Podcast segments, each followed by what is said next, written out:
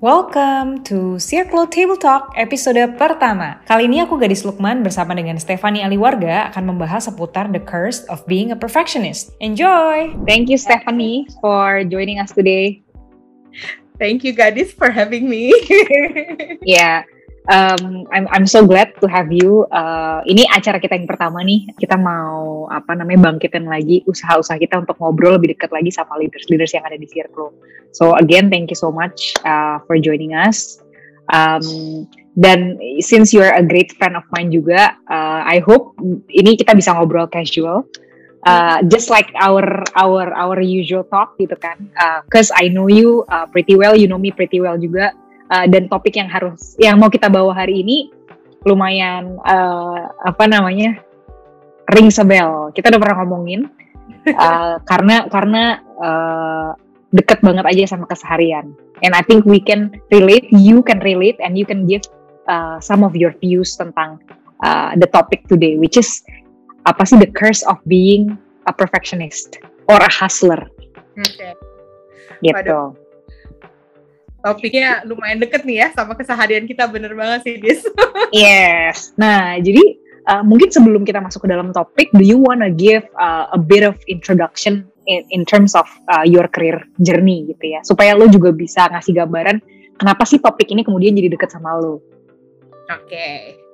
So okay, so I actually started my career in uh, advertising. Maybe a lot of people think I started in sales, but actually no, I started in advertising di account management gitu loh. Hmm. Kalau di agency account management itu kayak the heart of the uh, the process ya, karena yeah. uh, as as the link uh, to the client kita tuh hub. Jadi semua orang kalau nanya lewat kita, semua orang kalau komplain lewat kita juga gitu loh. Jadi there's hmm. this perception yang mungkin uh, kebawa selalu bawa as the hub of the of the whole business gitu bahwa regardless siapa yang drop apa yang dibutuhkan tim account management itu nggak boleh uh, drop gitu loh. We need to pick up to make sure that the show must go on gitu loh. Yeah. And I think that's one of the things that has been uh, carried over throughout my career even until now gitu bahwa you know uh, there's that apa ya that that uh, keyakinan atau kayak kewajiban mungkin ya rasanya ya dan mm. I need uh, to carry on, you know, whatever happens, the show must go on. We must make things happen. Mungkin itu sedikit dari uh, my career journey yang mungkin akhirnya ujung-ujungnya ada di acara ini nih, The Curse of Being a ya. Sebenarnya uh, itu itu true banget gitu loh. Ya, ya, ya, I can imagine. Dan buat agency mungkin lebih parah lagi gitu ya, quote unquote, karena um, memang the heart of the business itu service kan. Yeah. Jadi emang ya yang dijual itu service. So account managementnya ini adalah servicenya itu. You cannot, you don't sell a product gitu. Jadi ya mau gak mau inilah yang jadi heart of the business yang ya it it it it must happen gitu ya. Uh, yang itu yang mesti bagus, itu yang mesti perfect gitu kan. Karena kalau nggak ya you lose the client basically. Yeah. So uh, jadi jadi uh, mulai kebaca ya kenapa sih Steph uh, berkarir di dunia ini gitu ya terus sekarang jadi seperti ini gitu kan um, nah uh, how do you define being a perfectionist Steph?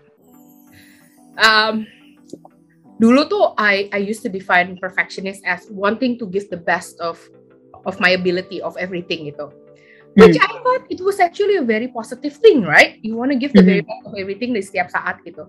Tapi sebenarnya kadang-kadang uh, as I grew mungkin ya mungkin hopefully tambah dewasa ya this ya. Hmm.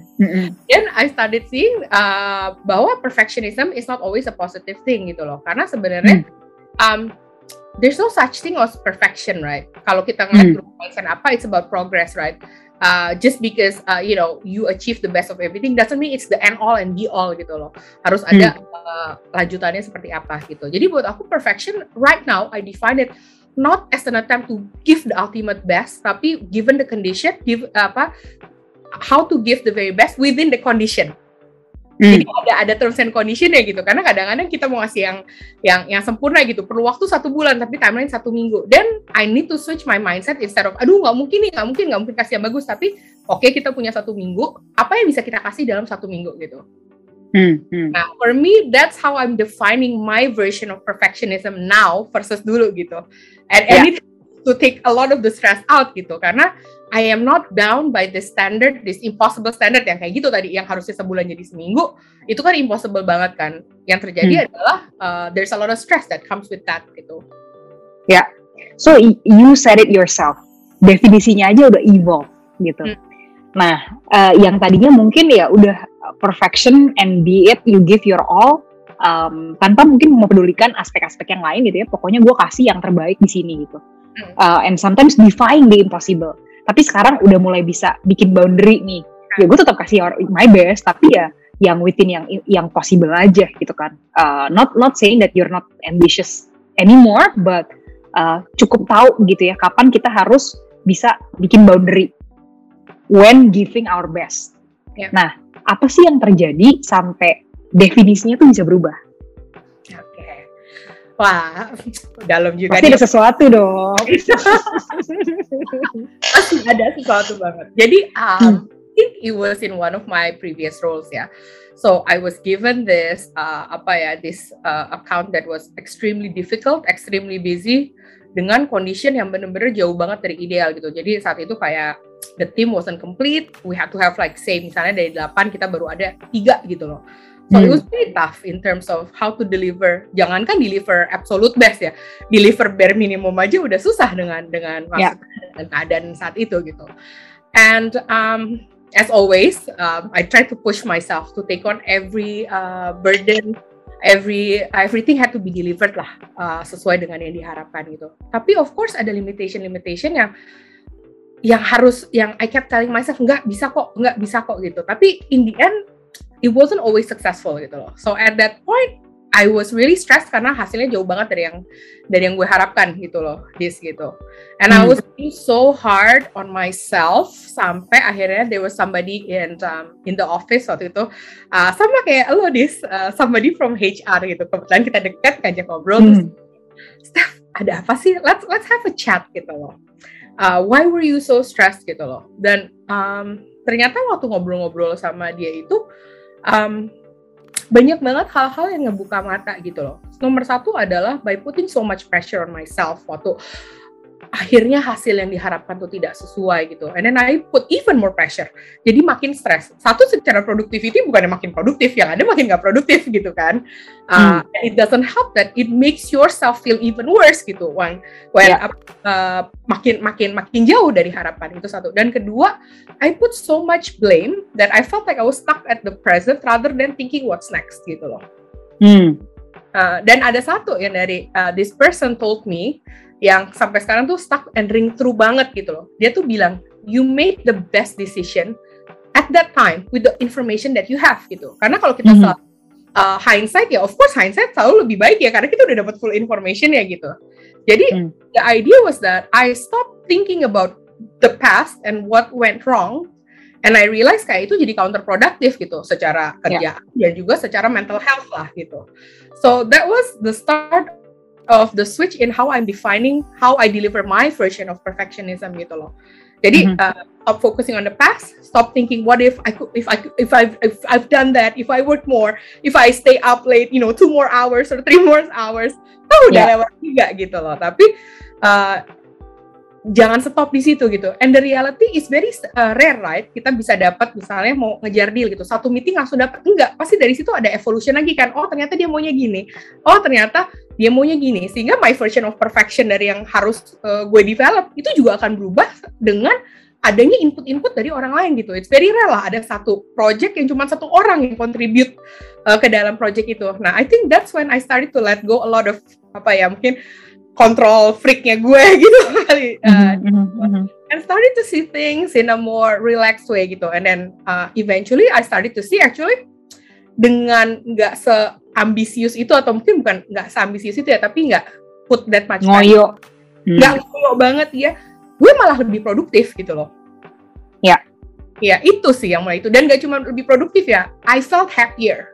I felt hmm. light gitu loh uh, and um, I I learn to to recognize my boundaries. Soalnya tadi waktu Gadis sempat bilang tentang boundary itu betul banget gitu. Karena in the end we do what we we want kan. Nggak ada orang lah yang bisa maksa kita untuk ngapa-ngapain gitu. I used to mm -hmm. my team you're not a tree gitu, nobody or nobody's pointing a head gitu, a, a gun to your head gitu. Jadi sebenarnya yeah.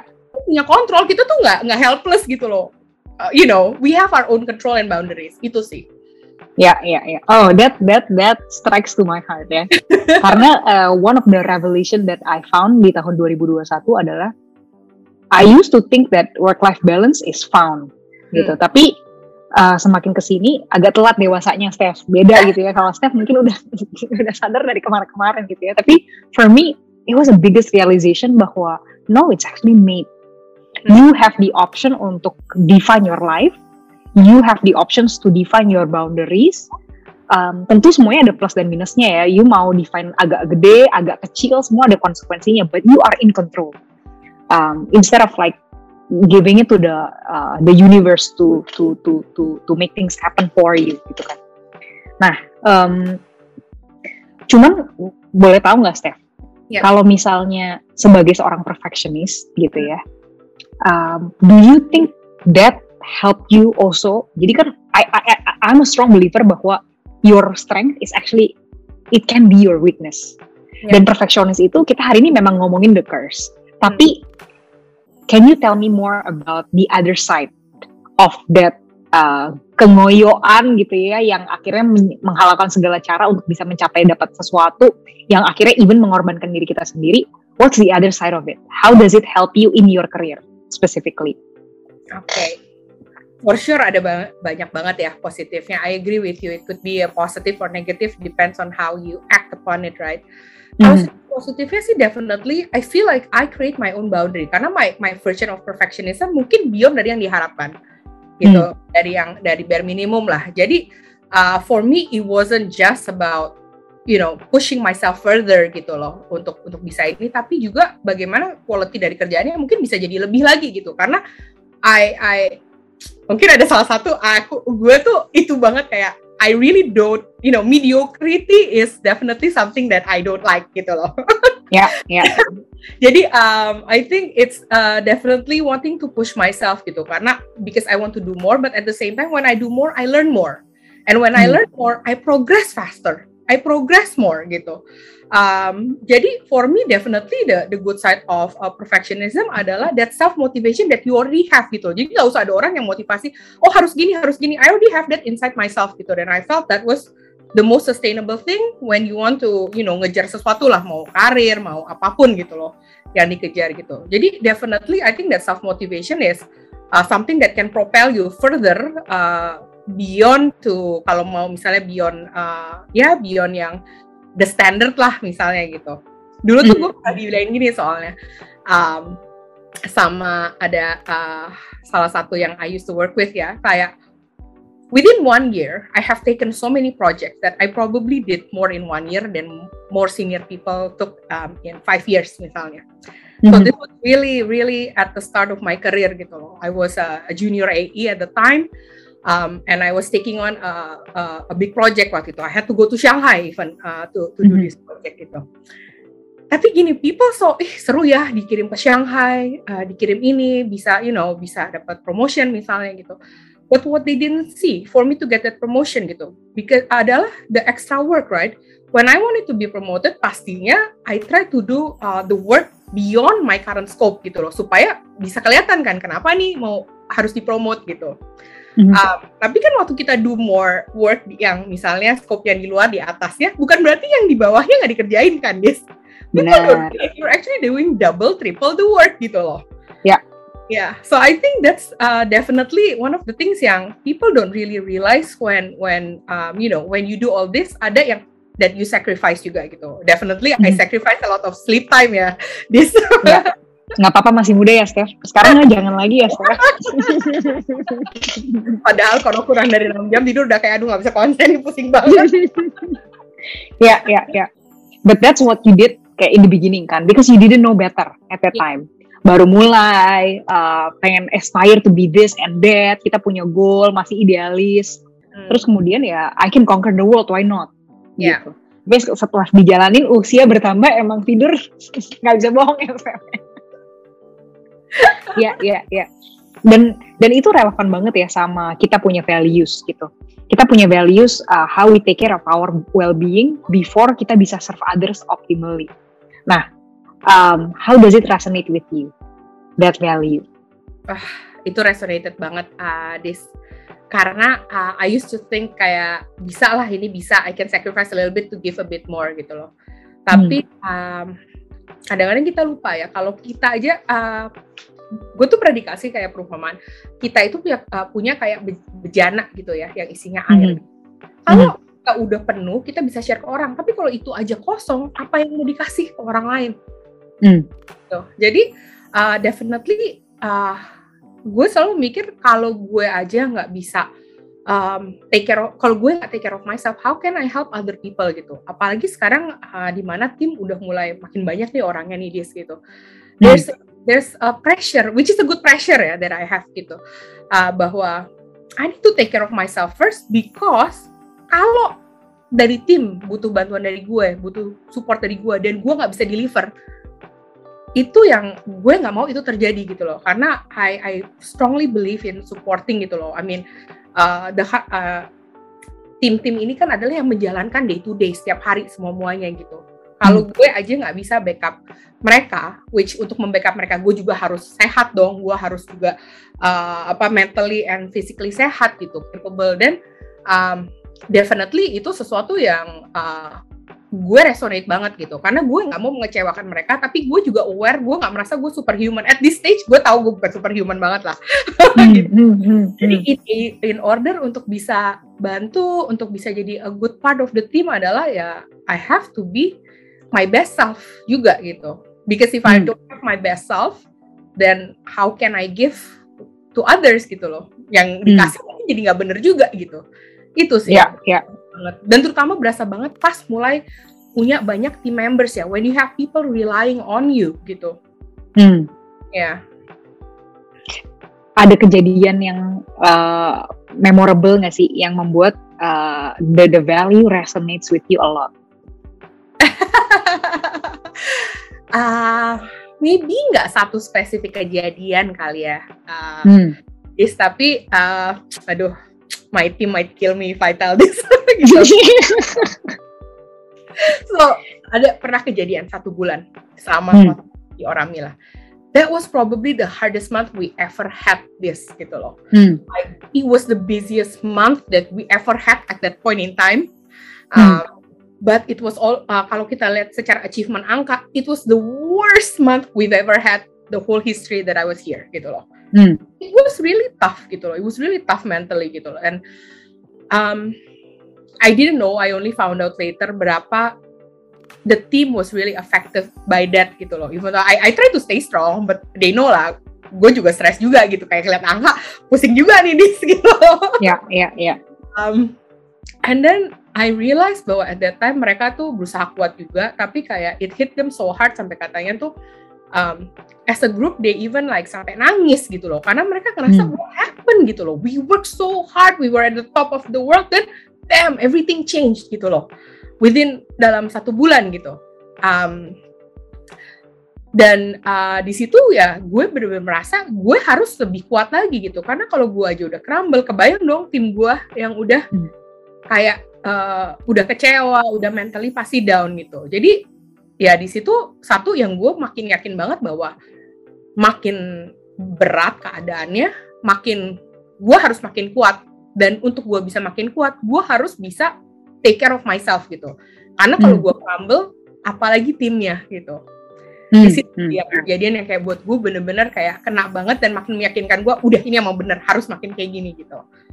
Iya, iya, iya, iya. iya and as a perfectionist myself gitu ya itu kejadian-kejadian kayak gitu biasanya jadi tamparan gitu kan um, persis di kejadian kayak gitu your effort is maximum even extra tapi hasilnya sometimes it's not within your control yeah.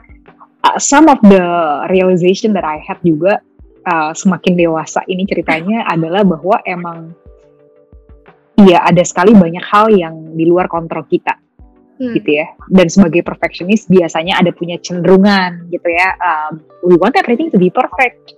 Yeah. We want everything to be as what imagine what we imagine gitu. Uh, jadinya sangat-sangat terganggu dan sangat-sangat kayak down banget ketika gila men, effortnya udah gede banget, tapi ternyata kejadiannya tidak tidak sesuai dengan apa yang kita harapkan.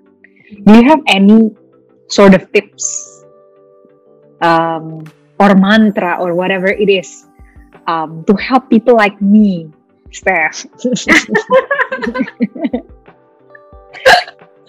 um, ada sih. Satu yang bikin gue mulai bisa itu adalah um, understanding what is within your control and what is not within your control gitu. Jadi hmm. uh, when I approach things now, kalau memang itu jadi uh, kalau memang itu udah di luar kontrol gue ya gue harus bisa let go gitu loh you've done your best ya God will do the rest lah istilahnya gitu mm, mm. Um, and then kalau itu udah with, not within your control udah gitu loh udah nggak usah dipikirin lagi karena no matter what effort that you wanna put no matter how much uh, you know mental energy that you're putting in it there's nothing you can do about it gitu loh and then understanding yang mana yang within my control. Nah, yang within my control itu yang akan habis-habisan lah gue kejar. Coba ini, coba ini, coba itu gitu.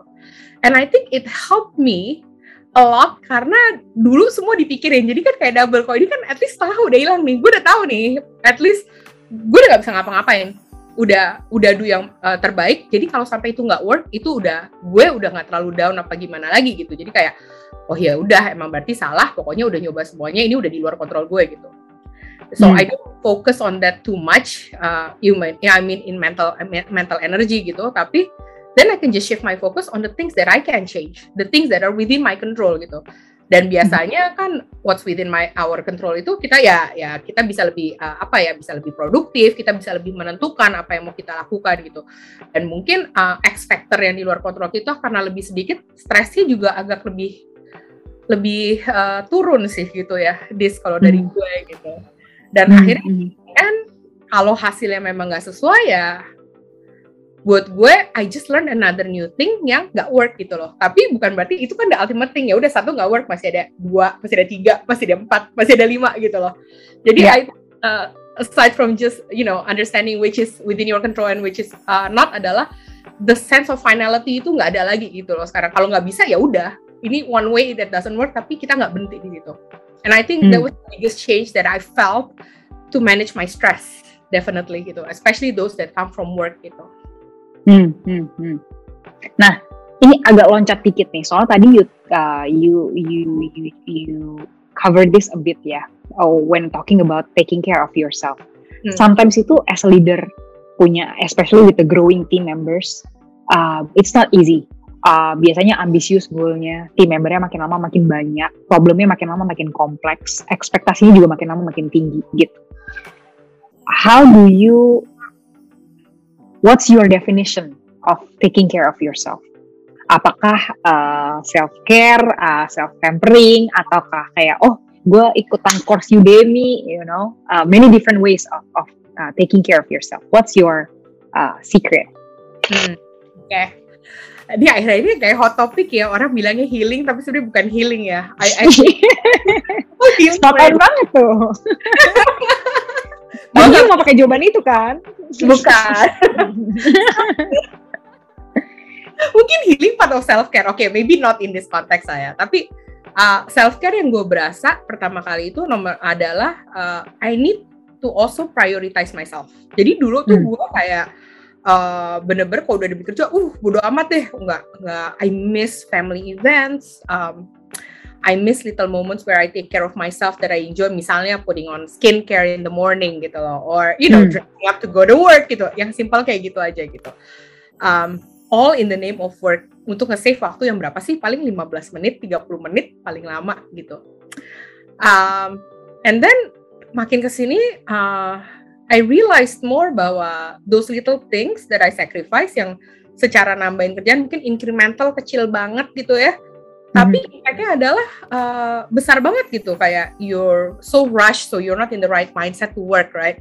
Because mm-hmm. sometimes kayak orang kayak gue, gue tuh gak bisa langsung datuk langsung kerja gitu loh. I need like that 15-30 minutes just to get myself, you know, organized, put myself together gitu. Oke, okay, ready dan habis mm. itu uh, baru gue masuk kerja gitu loh Nah, uh, definisi gue self care itu ya itu gitu. Putting that time for yourself, it doesn't have to be big things gitu, bukan kayak holiday gitu. Gue membuktikan ternyata, yes, gue suka banget liburan, tapi ternyata gue masih bisa survive nih di pandemi, belum gila gitu kali. tapi it's the little things that I I uh, spend myself um, to prep myself that I feel is my my my time gitu loh. Yang orang lain tuh apa kerjaan nggak bisa masuk. So that hmm. is my 30 minutes in the morning getting ready gitu loh. Um, having my tea in the morning, having my breakfast, you know, putting on skincare gitu. Um, atau itu juga salah satu self care buat gue adalah waktu gue selesai kerja jam berapapun itu ya uh, dis gitu ya. Waktu gue memutuskan gue selesai kerja, mindset gue itu udah bener-bener gue akan nggak ngomong mikirin kerja sama sekali. Mau ada yang jelek, mau ada masalah, tapi itu udah waktu gue gitu. Hmm bukan berarti gue tutup pasti jam 6 ini bisa aja terjadi jam 9 malam jam 10 malam gitu tergantung keadaan. Tapi there was that clear boundary that once I stop work that's my time. And that's the time hmm. yang bisa uh, diambil dari kerjaan gitu. So it's it's that sense of control that I had which which I think is my my self care gitu. Dan itu bukan hal-hal yang difficult yang harus punya ada apa spa berapa kali seminggu atau you know going on holiday. Apparently it's not that but it's really the little steps that you prioritize yourself every day gitu. Hmm, hmm. yeah that's my definition of self care these days. Ya iya iya iya. Uh, in which buat gue susah loh melakukannya gitu ya. Karena um, I, I really want to have that mental uh, compartmentalization. Hmm. kalau gue udah berhenti kerja ya udah stop gitu. Tapi jujur aja kepalanya biasanya suka mikir-mikir nih. all the way ke bawah sampai tidur nih Steph. Jadi persis sebelum tidur tuh masih kepikiran. Oh iya yang ini belum dikerjain. Oh iya si ini mesti gini. Nah, nah any tips uh, for me uh, how to deal with that Steph? Wah, tipsnya apa ya? Kalau gue sih waktu itu gak ada tips yang gimana banget ya. Cuman I was just at a point where I told myself, wah nggak bisa kayak gini terus nih. Kalau maju gini, gue nggak akan sustainable, nggak akan sustainable karir gue gitu loh, atau apa pun hmm. yang gue achieve lah. Karena, um, of course, after two or three years, then you start to feel the burnout, right? And yeah. it's so dangerous because then you you kind of get stuck on that gitu. Um, dan itu udah mulai impact to personal life kayak misalnya, you know, you snap more easily, right, when you're stressed gitu loh. Yeah relationship is definitely um, mulai banyak ya karena snap itu gitu. Jadi you have problems with relationship with you know with with everyone especially people that are closest to you right? Because you're not gonna mm -hmm. express that to people who are not close to you gitu. Um, dan I think at that point I had waktu itu I had a, a bit of a kayak uh, sakit lah gitu ya gitu um, yang gue dipaksa harus istirahat gitu loh Des dan hmm. waktu lagi uh, sakit itu terus gue mikir gitu loh. And then um, I had my closest people basically checking up on me right? Uh, you know hmm. if I'm okay if there's anything that they can do for me. And then I realized at that point bahwa oh my god in my pursuit of career or whatever that I wanted at the time ya I sacrificed the people that I thought would never leave me gitu the people who actually matter the most gitu loh and that's hmm. not right gitu loh um, jadi it was that point of realization realization bahwa nggak bisa kayak gini terus itu yang bikin gue step jadi uh, maksa gue untuk disiplin dengan yang kayak tadi setting that boundary gitu karena mm. eventually if I don't work on that there's a realization that I will lose the things that matter that I take for granted and you know yeah. when, pas lagi kesusahan ya um, atau lagi nggak enak these are the people who that, that matters that you you you sacrifice your your time with gitu Mm-hmm. So mm-hmm. I think sometimes susah ya kalau kasih tips apa apa enggak gitu. Tapi I think there's always that point where you realize it's like that tipping point, right? When mm-hmm. you realize which way do you want to go because you know this is no longer uh, possible to to continue like this. Mm-hmm, mm-hmm, mm-hmm. Yeah, thank you. Very much uh, resonates with me ya. Soalnya that sustainability gitu kan. Uh, as a perfectionist kita mungkin stumble upon itu juga kan. Uh, kita maksain maksain maksain maksain for the sake of you know perfection that doesn't exist. Um, we sometimes we sacrifice ourselves sometimes we sacrifice our families. Um, tapi kemudian realize bahwa yeah well it's not sustainable. You can probably do it one to three years uh, by the time you're old you you also realize your body cannot sustain. Jadi um, jadi that that shift of mindset sih memang memang memang perlu terjadi ya supaya bisa supaya bisa menerima keadaan dengan lebih baik knowing our boundaries gitu ya. Knowing bahwa I I had this uh, I I I read this this piece before gitu ya Warren Buffett. Um, uh, kalau nggak salah ya Warren Buffett I think Warren Buffett. Dia pernah cerita tentang uh, coba deh kalau lu dikasih satu uh, lu umur 17 nih lu boleh pilih satu mobil yang lo paling demen dikasih gratis buat lo hmm. which car would you choose? Gitu kan? Tapi ada syaratnya nih lu cuman boleh punya satu mobil itu seumur hidup lo gitu. Wah. but uh, nah the, the, the bottom line yang dia pengen kasih adalah kalau ketika kita dikasih kayak gitu tuh kita bakal pilih mobilnya terus kita rawat mobilnya kita lapin gitu ya di maintenance apa segala macam because we know that's our only car in this world gitu. And yet we didn't do the same with our body. Hmm. sometimes kita kayak ya udah take it for granted kan kayak ya udah selama ini selama puluhan tahun ini dia baik-baik aja membawa saya ke sana dan ke sini. Tapi we didn't realize bahwa we actually have one body uh, in this entire life. And if we don't take care of it properly then probably sometimes you know at any given um, point in time it may you know um, fail on us gitu kan? Karena ya tidak dirawat dengan baik. Jadi uh, for the sake of sustainability if you wanna do impactful things. Hmm. gitu ya uh, nggak ada gunanya kalau nggak sustainable juga gitu. Nggak ada gunanya kalau lu cuma punya satu dua tahun lu make a lot of impact tapi habis itu kemudian lu tumbang gitu kan. Uh, itu gue banget ya. So so uh, thank you so much uh, for for sharing that. Uh, I think uh, that's uh, very you know it touches me very deeply to my soul and to my core. Karena uh, relevan banget sama apa yang dihadapin sehari-hari. Mungkin for the uh, last uh, segment gitu, Steph, anything you want to share to our audience gitu ya? How do we work on ourselves? How do we improve ourselves from time to time? Apa pun itu kondisinya, mungkin ada yang perfeksionis, mungkin ada yang nggak perfeksionis, whatever it is. How do we improve ourselves from time to time? Um, how? I think definitely um, improving ourselves eh, itu mungkin kan how we wanna be better right mungkin hmm. kadang-kadang ada yang segini betternya mungkin nanti ada yang segini ada yang segini tapi sebenarnya mau segini mau segini both are progress gitu loh mm-hmm. and I think improving ourselves means like taking credit for every progress that happens karena kalau segini tiap hari lama-lama segini juga gitu yeah. segini tahun sekali ya juga ya still progress big progress tapi mungkin frekuensinya lebih kecil gitu loh jadi um, definitely ada harus ada apa ya the desire to want to move forward. Dan kedua when you move forward give credit to yourself gitu. Karena every little thing is a progress right? And mm-hmm. when you give credit to yourself ya you feel good so you don't want to stop gitu loh. Dan mm-hmm. never discount your achievement karena progress is progress right? I mean achieving perfection at this stage I'd like to think maybe I'm more of a hustler than a perfectionist these days gitu yeah yeah because I feel that perfection doesn't exist anymore. But for me, yang gak boleh berhenti itu adalah every little things progress dan itu yang harus ada terus gitu loh. Even mm-hmm. as, as progress, oh akhirnya besok udah bisa bangun jam 7 gitu, nggak jam 8 gitu. Karena bangun jam 7, you know, you wake up earlier, you have more time misalnya.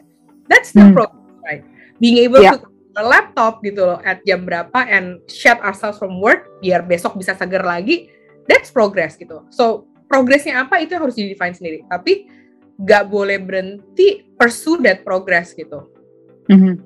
ya yeah. and celebrate ya and celebrate ya give credit to yourself mm-hmm. nggak semua hanya yeah. big progress kok uh, yang yang bisa give credit ya credit bukan belajar terus ya maksudnya as much as I love that gitu loh cuman kadang-kadang it's just acknowledging that little oh I've done well udah gitu mm-hmm. you feel good gitu ya yeah, ya yeah. itu, itu kok kayak masih masih belajar sih nanti gue ingetin guys jadi gue ingetin lo untuk Vino habis itu gue inget what have you done well today guys